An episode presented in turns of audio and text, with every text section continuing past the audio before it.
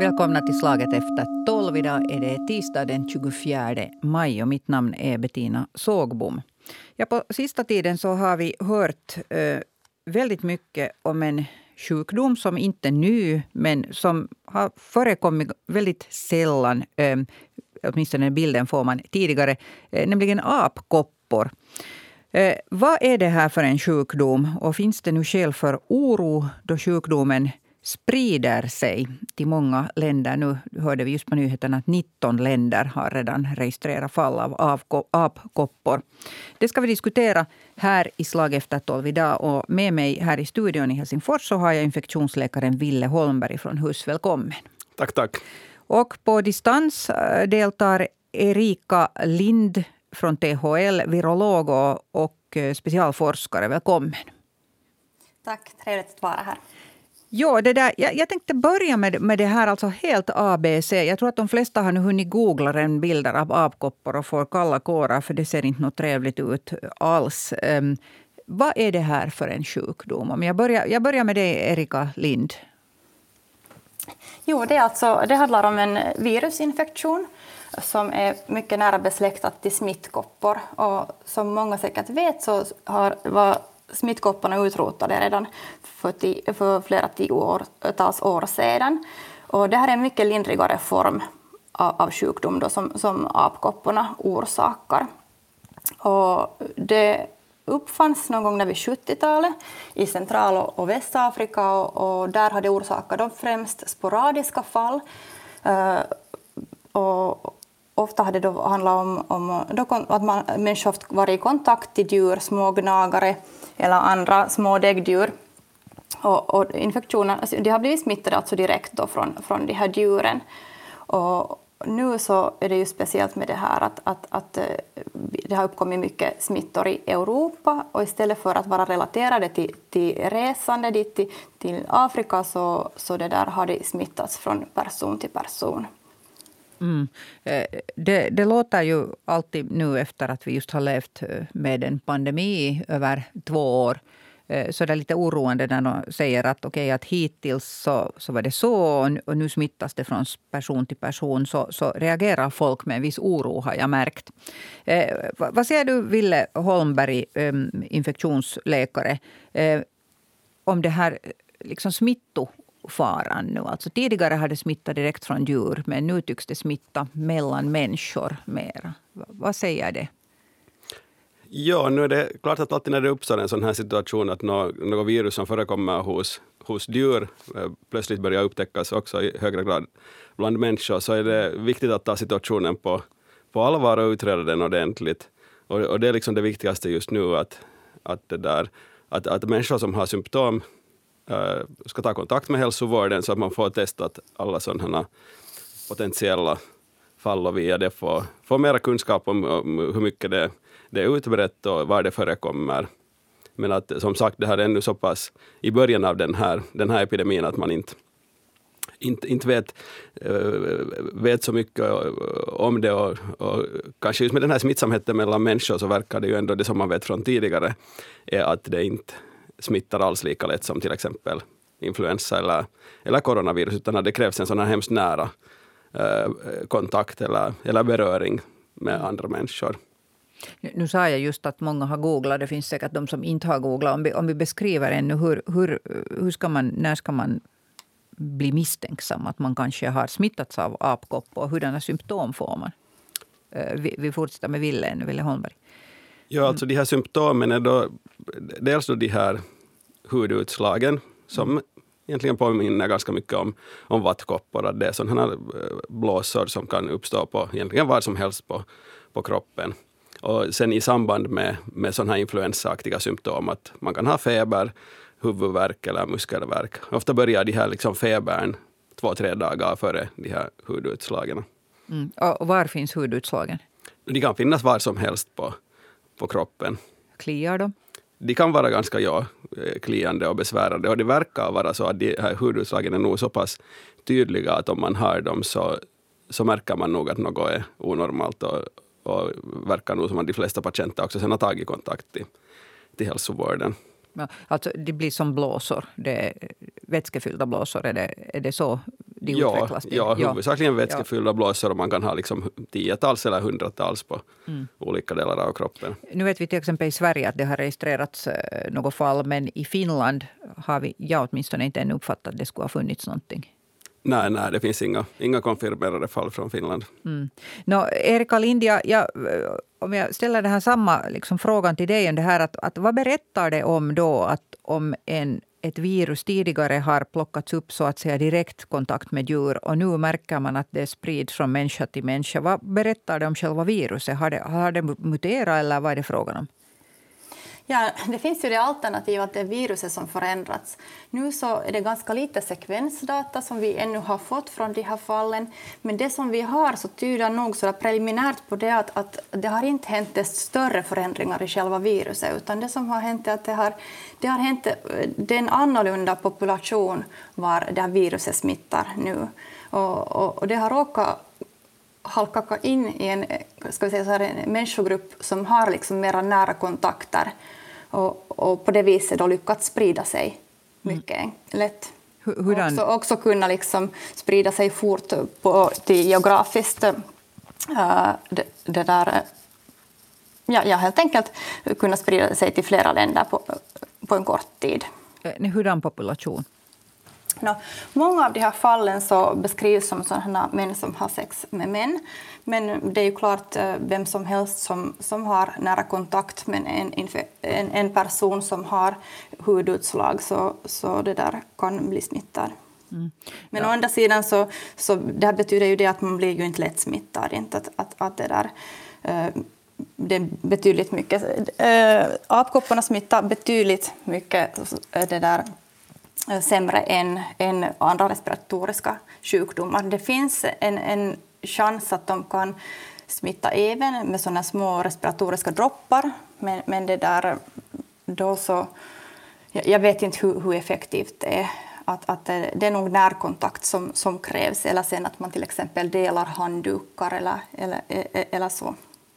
Ja, det där, genast när du, du talar om eh, om en speciell population och så talar du om, om män som har sex med andra män. Så då är det ju flera av oss som är tillräckligt gamla för att ha ähm, läst eh, stora rubriker på 80-talet om, om hiv-epidemin som uppdagades då. Så, så det har jag också sett kommentarer om nu på, på mm, vissa kommentarsfält och, och på sociala medier. Att, att är det här någon ny form av eh, Alltså, då var det aids som så att säga upptäcktes. Är det här någonting nytt nu som vi har hittat eller som, som kommer fram?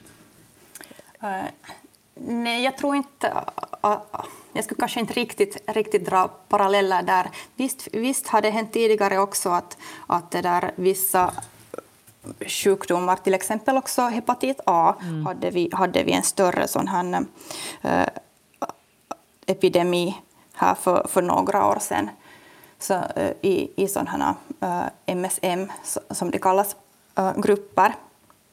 Men, men, um, men apkoppor till exempel så tillfrisknar man från, man kan isolera sig och, och det, där, det, det är ändå rätt så lätt att, att känna, känna igen om, om man har fått infektionen och så kan man då förhindra och fortsätta smittor genom att isolera sig. Och, och mm. Nu hörde vi just här på nyheterna att WHO inte i det här skedet rekommenderar någon vaccination mot det här. Men att, att eh, Ville Holmberg, vad för sorts vaccin är det som man skulle ge om man, om man skulle börja vaccinera? No, det, där, det finns i princip liksom två olika former av, av smittkoppsvaccin vaccin som delvis mm. ger skydd mot apkoppor. Det finns inga, inga vaccin som är utvecklade direkt för apkoppor. Mm. Men den här liksom gamla generationens smittkoppsvaccin som användes då, då för över 50 år sedan, så, så dels eh, har så pass mycket biverkningar och det har man tänkt att, att det i den här situationen inte, inte är aktuellt. Och sen finns det sådana modernare, nyare generationens smittkoppsvaccin som man tydligen i England till USA har använt i en, en viss mån. Så det, det, är en sån som teoretiskt skulle kunna ge, ge skydd till exempel efter att man har blivit exponerad. Men att det, här är, det här är ett sånt vaccin som den här tillgången till det inom EU är, är tills vidare liksom hemskt dålig. Så att, så att därför är det många EU-länder som nu, nu utreder möjligheten att, att skaffa det. Och, för säkerhets skull eller?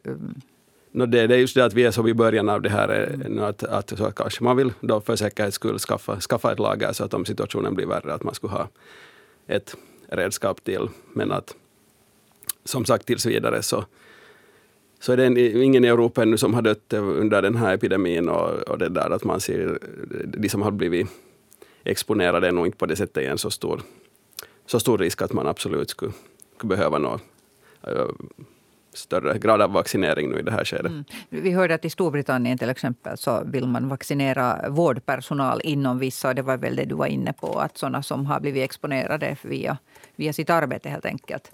Eh, jag, tänkte, ehm, när vi talar om de här vaccinen, så, så du Erika Lind nämnde här att ehm, eh, smittkoppor på ett sätt, alltså det var en sjukdom som redan var utrotad. Men det här är då alltså besläktat med... Ja, apkopporna, det hör, båda hör till ortopoxvirus. Mm. De är ganska närbesläktade, men eh, skillnaden är den att apkopporna nog orsakar en, en betydligt mycket lindrigare sjukdom.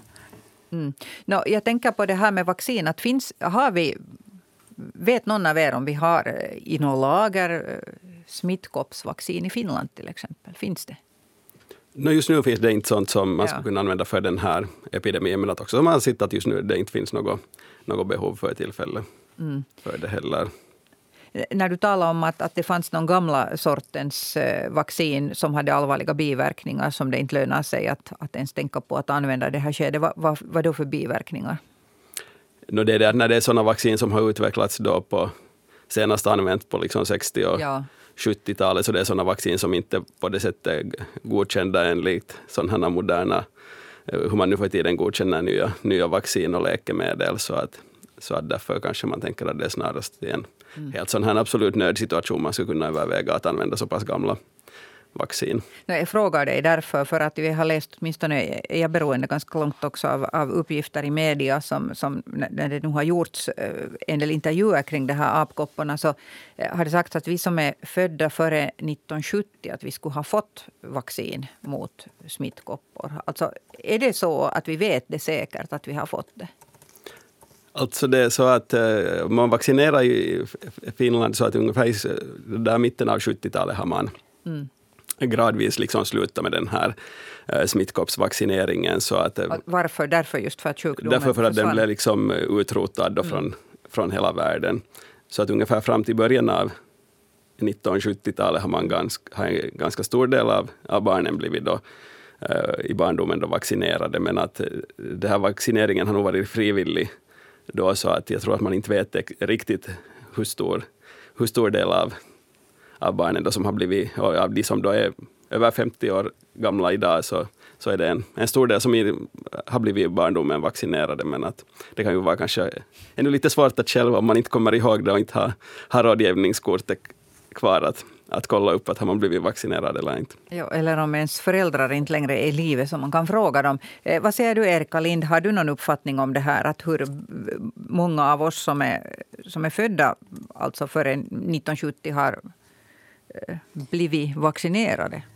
Jag tror faktiskt nog att det är den absolut största delen och, och mm. det torde väl också lämna ett, ett ärr efter sig på, på armen, det där vaccinet. Så det är på armen man det, har blivit vaccinerad? Och det här är faktiskt liksom den äldsta vaccinen ja. vi har haft. Att det var den som egentligen Edvard Jenner i, för, i tiderna började med att, att vaccinera mot smittkoppor med hjälp av kokoppor. Han upptäckte då att, att eh, Eh, Eh, kvinnor som hade varit och mjölkat korna var, var immuna mot, mot eh, smittkoppor. Och, och, då kom han på att, att, det där, att om, om han tar av, av de här eh, skorvarna som, som var orsakade av kokoppor så kunde han liksom immunisera folk mot, mot smittkoppor också. Och det här vaccinet som har använts det har varit ett sånt här levande vaccin med vad man helt enkelt har utvecklat det här viruset så att, att det har inte har på det viset liksom orsakat någon sjukdom alls. Inte. Men att det har då vissa risker då alltid när man har ett, ett, ett sånt här levande vaccin. Mm. Eh, Ja, ja det där, eh, du nämnde här i armen, så det är alltså det i armen som vi har fått det som barn då? Vi som har fått Jag tror det, jag levde inte då. ingen, av er, ingen av er är tillräckligt gammal för det här, men jag vet att jag har ett litet märke på min vänstra äh, axel, så jag antar att jag kan ha fått det här om inte det är märke efter något annat vaccin. Ja. Ja, det där, eh, när vi nu pratar om de här apkopparna som man hela tiden lugnar folk nog med att säga att det är inte liksom någonting eh, som är så farligt. Det ser lite äckligt ut, men det gör ju vattkoppor också. Men, men det där, eh, man dör alltså inte av det. Men finns det något särskilt sådana grupper som ändå kan fara illa, extra illa av apkoppor? Eh, vad säger du, Erika? Det här är kanske Ville som, som bättre kan svara ja. på det här, men, men förstås så, så är det ju individer som har försvagat immunförsvar av ett eller annat skäl som, som förstås eh, har större risk för, för svårare sjukdomsformer av vilken som helst infektionssjukdom. Mm. Och sen vad jag har förstått så också småbarn och, och gravida kvinnor löper risk för, för en allvarligare sjukdom. Fille Holmberg. Ja, nu är det så att liksom vilken som helst form av immunbrist eller försvagat immunförsvar så hör man då till, till större riskgrupp. Men att här är ju som sagt då positiva som då att högre ålder också alltid är en risk, riskfaktor. Men att här är det positiva då att, att de som är över 50 då förmodligen har någon grad av, av immunitet i en ganska stor utsträckning. Så det, det är kanske en, en positiv sak här. Mm. Eh, nu när vi talar om sådana ehm, zoonoser, så att säga, alltså smittor som, och sjukdomar, virussjukdomar som sprids eh, från eh, djur till människa, vilket för, för övrigt nästan alla influensor också kommer den vägen. Så det verkar ju som om, om det skulle komma nya sådana här emellanåt, och till och med ganska ofta. Och det har sagts av forskare att det beror på att människan ehm, går och bökar och breder ut sig på ställen där man inte har varit förut. Eh, hur ser ni den här risken alltså att det, att det fortsätter komma sådana här nya eh, virusformer på det här sättet när vi, vi helt enkelt breder ut oss. Jag börjar med Ville Holmberg. Ja, nu är det ju klart att, att det där, världen förändras hela tiden och det finns olika faktorer. En kan vara också den här klimatförändringen som gör att det kan påverka mm. Hur djuren lever och sen också kanske det här att om man, om man hugger ner skog och på det, till exempel på det sättet påverkar olika djurs det där, mm, möjligheter att leva så, så kan det ha, ha följder. Men att jag tror att man, det är svårt att säga exakt de där mekanismerna, kanske det viktigaste är det att ha en bra sån här uppföljning. Så att om ett nytt virus som tidigare har blivit mer hos djur sprids hos människor, som nu till exempel med, med corona eller det här. Och jag tycker det här är ett bra exempel att nu har det fortfarande bara ett par hundra fall i Europa, men att redan på två veckor har vi samlat ihop ganska bra kunskap och liksom märkt det på ett så tidigt, i en så tidig situation. Att för, för 10 eller 20 år sedan skulle det ha kunnat ta mycket längre för det vi skulle ha märkt. Och vi har bra, bra sån här PCR-diagnostik som gör att vi liksom tidigt, tidigt kan upptäcka det och tidigt sekvensera de här eh, viruset, vet, vet vad det är för stammar och på det sättet liksom i god tid liksom få fast det och sen kunna isolera de positiva. Och, och för i de flesta fall är det ju så att det är fråga om en sån här liten epidemi som man sen får under kontroll. Som till mm. exempel den här första sars-epidemin då i Hongkong ja. för 20 år sedan. Så då, just med de här redskapen som vi har med att testa och isolera så kan man i de flesta fall få sådana här epidemier under kontroll. Eh, hur skulle du svara på samma fråga, Erika Lind? Uh, ja, jag tycker Ville gav det här riktigt eh, ett, ett fint svar, mångsidigt svar. Uh, visst så, så tror jag också att globalisering och klimatförändringar påverkar det där väldigt starkt infektionssjukdomar och speciellt sådana här zoonotiska infektioner. Djurarter som tidigare inte har varit i kontakt med varandra kommer i kontakt och, och, och det där, eh, virus får nya, nya världar och mellanvärldar. Och, och, och det där, folk reser mycket, de kommer fort i kontakt med, med andra människor och, och, och på det viset. Också produktionslinjerna uh, har liksom utvecklats väldigt mycket. Och så kan det hända att man har exotiska sällskapsdjur. Det finns eh, flera, flera exempel på det här, hur, hur nya, nya sällskapsdjur sen har, har smittat nya sjukdomar till människor. Mm. No, I det här fallet heter det ju apkoppor och jag antar då att, att ursprungsvärden antas, alltså från början, ha varit apor. Är det så? No. Jag skulle kunna svara. Ja, varsågod. Ja. Ja, eh, vad jag har förstått så insjuknar apor på samma vis som människan. Att den där, de är en värld för, för viruset, men reservoaren är antagligen då ett litet däggdjur eller, eller flera olika däggdjur eller smågnagare. Och, vi vet inte ännu att vilka, vilka olika djur som, som apkopporna kan smitta. Och därför är det väldigt viktigt också det att, att, att eh, vi ser till att de, som nu, de personer som insjuknar i apkoppor inte, inte det där smittar vidare dem till sina sällskapsdjur eller, eller, eller så. Ja, Ville Holmberg. Ja, det där är säkert en viktig poäng nu att när det sprids i Europa, att, att inte smitta vidare till sällskapsdjur och kanske också som Eh, till andra vilda djur här, för det var en sak som ECDC, den här europeiska smittskyddsinstitutet, också hade lyft upp, att det finns en teoretisk risk att det här smittas vidare till till exempel ekorrar eller råttor eller sådana små gnagare i, i Europa. Det vet man inte ännu att hur det skulle klara sig där, men att, att, så det finns en, en möjlighet att den skulle, det här viruset skulle kunna bli på det sättet då, endemiskt också i, i Europa. Det är förstås en sak man, man vill undvika. Mm. Vi har ju till exempel kokoppor som är endemiskt i Europa och det, det enstaka fall dyker upp alltid nu och då. Det är ju också en lindrigare infektion än, än apkopporna. Men precis som Ville sa här så det är fullt möjligt att, att apkoppor också skulle bli endemiskt på samma vis som det är endemiskt i, i Afrika. Jag har inte hört om kokoppor förut, jag måste medge. Alltså, jag har hört om det, men jag har inte vetat om att, att det är endemiskt hos oss. Eh, hur många får kokoppor varje år? Det där, eh, I Finland så kanske inte så... Jag vet inte när, när vi senast skulle ha haft ett fall. Mm. Jag vet att vi hade kanske där i början av, av det här årtusendet. Eh, I Centraleuropa så vad skulle jag kunna gissa? Kanske ett fall per år. Det, det är alltså mycket lindrigt. Man får då också, också någon sån här hudutslag. Ja. Eh, eh, när Ville Holmberg, du nämnde här med att, att därför man har liksom ingripit nu tidigt eh, och att det här med att testa och isolera är viktigt. Eh, tror du, har vi lärt oss någonting på grund av, av coronapandemin? Här? Det, det, är förstås en helt annan sak för att det smittar mycket lättare. Men i alla fall det här med att, att liksom ta i det nu väldigt fort. Att är det tur i oturen att det kommer nu genast efter en, en pandemi? Va, vad säger du, Ville Holmberg? No, på ett sätt en sak som man säkert har lärt sig den här vikten av, av internationellt samarbete och att sprida, mm. sprida äh, kunskap mellan, inom Europa också internationellt och, och inom Finland, att, att de här liksom myndigheterna vet med vem man ska ta kontakt för att, för att testa och, och det där. Också den här smittspårningen så har man ju i alla, alla de minsta kommuner också fått, fått, fått träna på det nu, att hur man gör när man har ett fall. För då är det också viktigt att, att snabbt om man hittar ett positivt fall, att, att kontakta eh, och kartlägga att vilka kontakter den har haft så att man, man möjligen kan hitta att, att hur den, vilka andra som kan vara exponerade. Mm.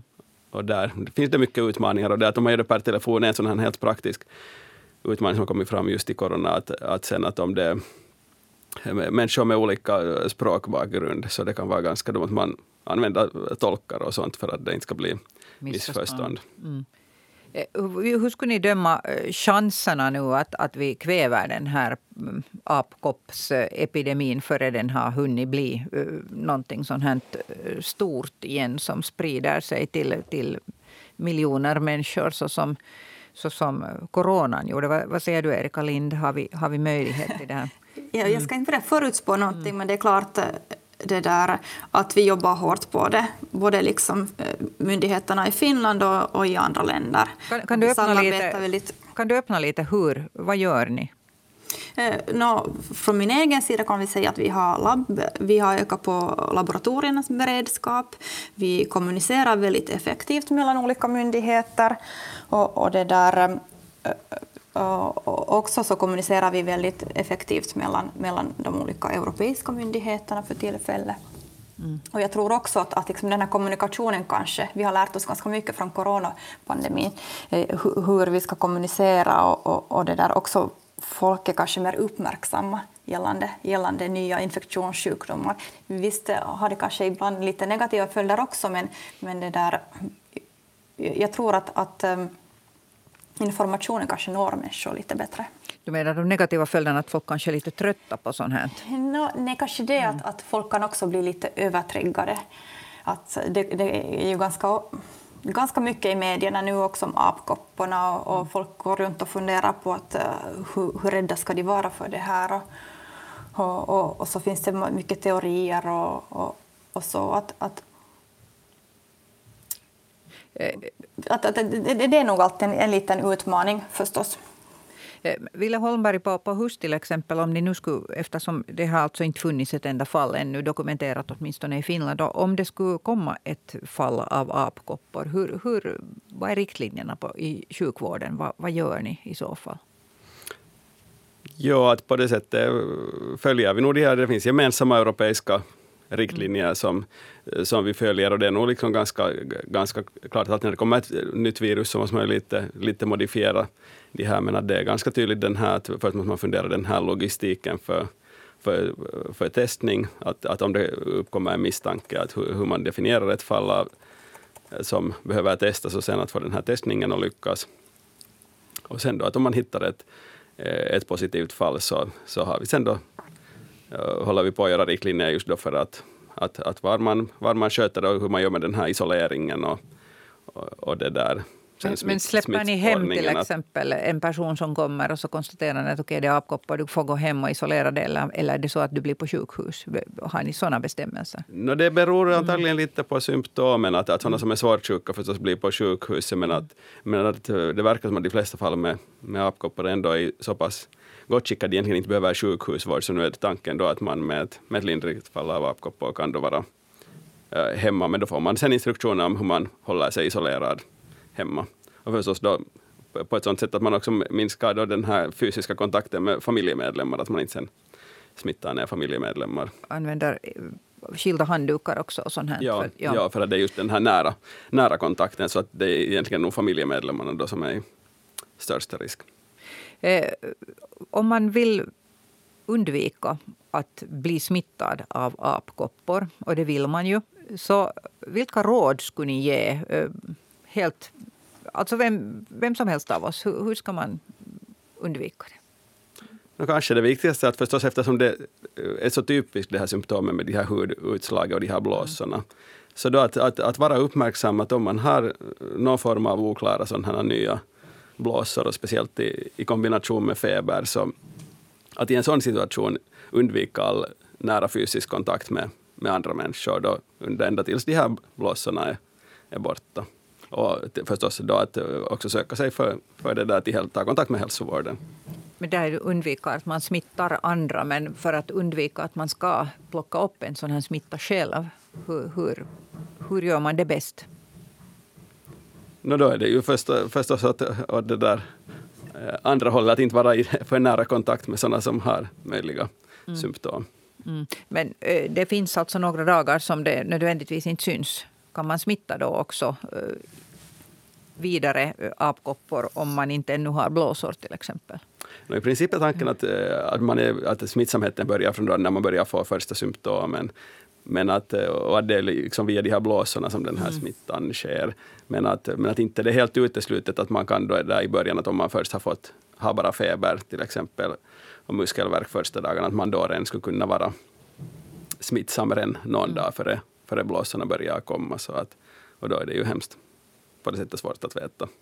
Vad säger du Erika Lind, har ni på THL några sådana riktlinjer? Som ni, då med, med coronan så kom det ju snabbt ut det här med att, att tvätta händer och hålla avstånd och sånt här. Att, och nu understryker jag att det här, jag vill inte sprida någon panik, att det här är ingalunda alls någonting som går att jämföra ännu. Men har, har ni, hur, hur ska man eh, leva säkert och undvika att smittas? Jo, vi faktiskt uppdaterar, jag tror att det, eh, idag, information om, om apkoppor och, och, och, där kommer det också då att, att det där äh, finnas råd för, för hur man undviker att bli smittad och, och vad man gör ifall man misstänker att man har, har, har möjligtvis blivit exponerad. Kan du dela några av de här råden här redan? Det, där, no, det är förstås det här som precis som, som Ville berätta uh, handlar om, jättelångt om hygien helt enkelt. Och, och, och sen och med, alltså, så ska man med väldigt låg tröskel då kontakta någon hälsovårdsenhet om man misstänker att man har blivit exponerad. Och men att man kan gärna kolla in på THLs sidor senare idag. Jag tror inte att de ännu har kommit upp, men de uppdateras nog här vilken, vilken stund som helst. Eh, eftersom ni gör det här så antar jag att det också har funnits kanske behov av det. Är det så att folk har hört av sig och varit oroliga till exempel för, för den här nya sjukdomen? Det där, jag vet inte om äh, enskilda personer har gjort det, men medierna så, så har ju nog kontaktat oss jätteivrigt. Och, och, och, det är ju klart att, att det här är sån information som, som nog ska, ska det där vara till, lättillgängligt mm. också på finska och svenska. Jag skulle här avslutningsvis ännu vilja... Eh, nu är det apkoppor vi talar om idag. Och det är det som, som eh, medier egentligen över hela världen börjar nu skriva om eftersom som det, det är alltid intressant nu efter en stor pandemi att det, att det kommer en ny sån här eh, smitta som sprider sig. Men, men finns det någonting annat som vi bör vara nu eh, noga med? Alltså det finns säkert hela tiden, speciellt ni som forskar, i, virologer som håller på och forskar i sånt, något, något annat som, som är oroande idag och som ni håller så att säga öga på? Ja, det är jättesvårt att för, förutspå mm. att, att vad det sen kommer att vara. Eh, det enda vi vet är att det kommer nog förr eller senare. Och möjligtvis före kom, kommer, det, kommer det en ny, ny det där, äh, pandemi. Det är väldigt svårt att säga vilket virus som kommer att, att det där orsaka det förstås eh, influensa, aviärinfluensa, en sån som, som många har haft ögonen på redan här i flera årtionden och, och där har vi sett mycket förändringar i, i fågelpopulationerna. Men det där, eh, jag tycker att, att eh, vi redan nu har kommit jättelångt i att bygga upp ett, ett fungerande det där informationsnätverk inom EU och, och det där jag kommer att det här, vet, vet, att det här kommer nog att gynna, gynna oss i framtiden och, och, och det där beredskapen inför pandemierna. Och hur är sjukvården förberedd på sånt här? Jag menar att den här coronan väckte, väckte ju faktiskt en stor diskussion också om det här. Att hur väl förberedda vi är att sköta om stora pandemier. Vad, vad säger Ville Holmberg? Hur, hur väl förberedda är vi i Finland? No, alltså, så teknologiskt sett är vi väl förberedda. Vi har all liksom, laboratorier möjlighet att testa för de här alla olika också ovanliga virusen. Men det som kanske är mest oroar är den här sjukhuskapaciteten överhuvudtaget. Och som, som nu kanske framförallt har kommit fram under pandemin, men att det har funnits en sån här kontinuerlig lång tid eh, underbemanning och, och den här liksom tillgången till, till arbetskraft, att hela tiden är det, är det avdelningar som, och eh, sjukhusplatser som är stängda för att det inte finns tillräckligt personal, då speciellt sjukskötare. Så det är nog säkert nu på längre sikt ett, ett problem som man måste hitta en lösning på så att vi klarar oss, inte bara under när det är en lugn situation, utan vi måste ha kapacitet att klara oss också då när det kommer en, något ovanligt, till exempel en, en pandemi eller en ny infektionsvåg det talades mycket också om att vi har eh, väldigt eh, alltså, lite eh, intensivvårdsplatser. Det kom fram under pandemin då när det behövdes intensivvård i allt ökande grad. Och vi räknade hela tiden att hur mycket det fanns kapacitet kvar och ibland var den utnyttjad till max. Är det här någonting som det finns diskussioner om nu? Nu är det säkert en sak som, som det verkar då när, när situationen var som värst finnas en ganska bred konsensus att man borde utöka mm. antalet intensivvårdsplatser för att kunna klara av också lite svårare situationer. Så att därför borde man nu utnyttja den här tiden när det är lite lugnare situation att, att det där utbilda och, och få den, här, den infrastruktur som behövs för att, för att klara av det. Mm. Eh, tack ska ni ha båda två. Vi har pratat om apkoppor idag, den nya virussjukdomen. Som, alltså ny är den inte, nu upprepar jag igen, det sa jag också i början, men som hittills har upp uppträtt eller upptäckts väldigt eh, sällan och, och mest i Central och Västafrika och nu har spritt sig till 19 länder är dagens siffra. WHO har alltså just sagt att de inte ser nu i det här skedet någon eh, orsak att börja med, med några stora vaccineringskampanjer. Men läget följs med. Det är det vi har diskuterat här idag med eh, Ville Holmberg, infektionsläkare på HUS och Erika Lind, virolog och specialforskare vid THL. Tack båda två för att ni deltog här idag. Eh, det här var Slaget efter tolv tisdag. Imorgon eh, nytt Slaget efter tolv, samma tid, samma kanal. Mitt namn är Bettina Sågbom.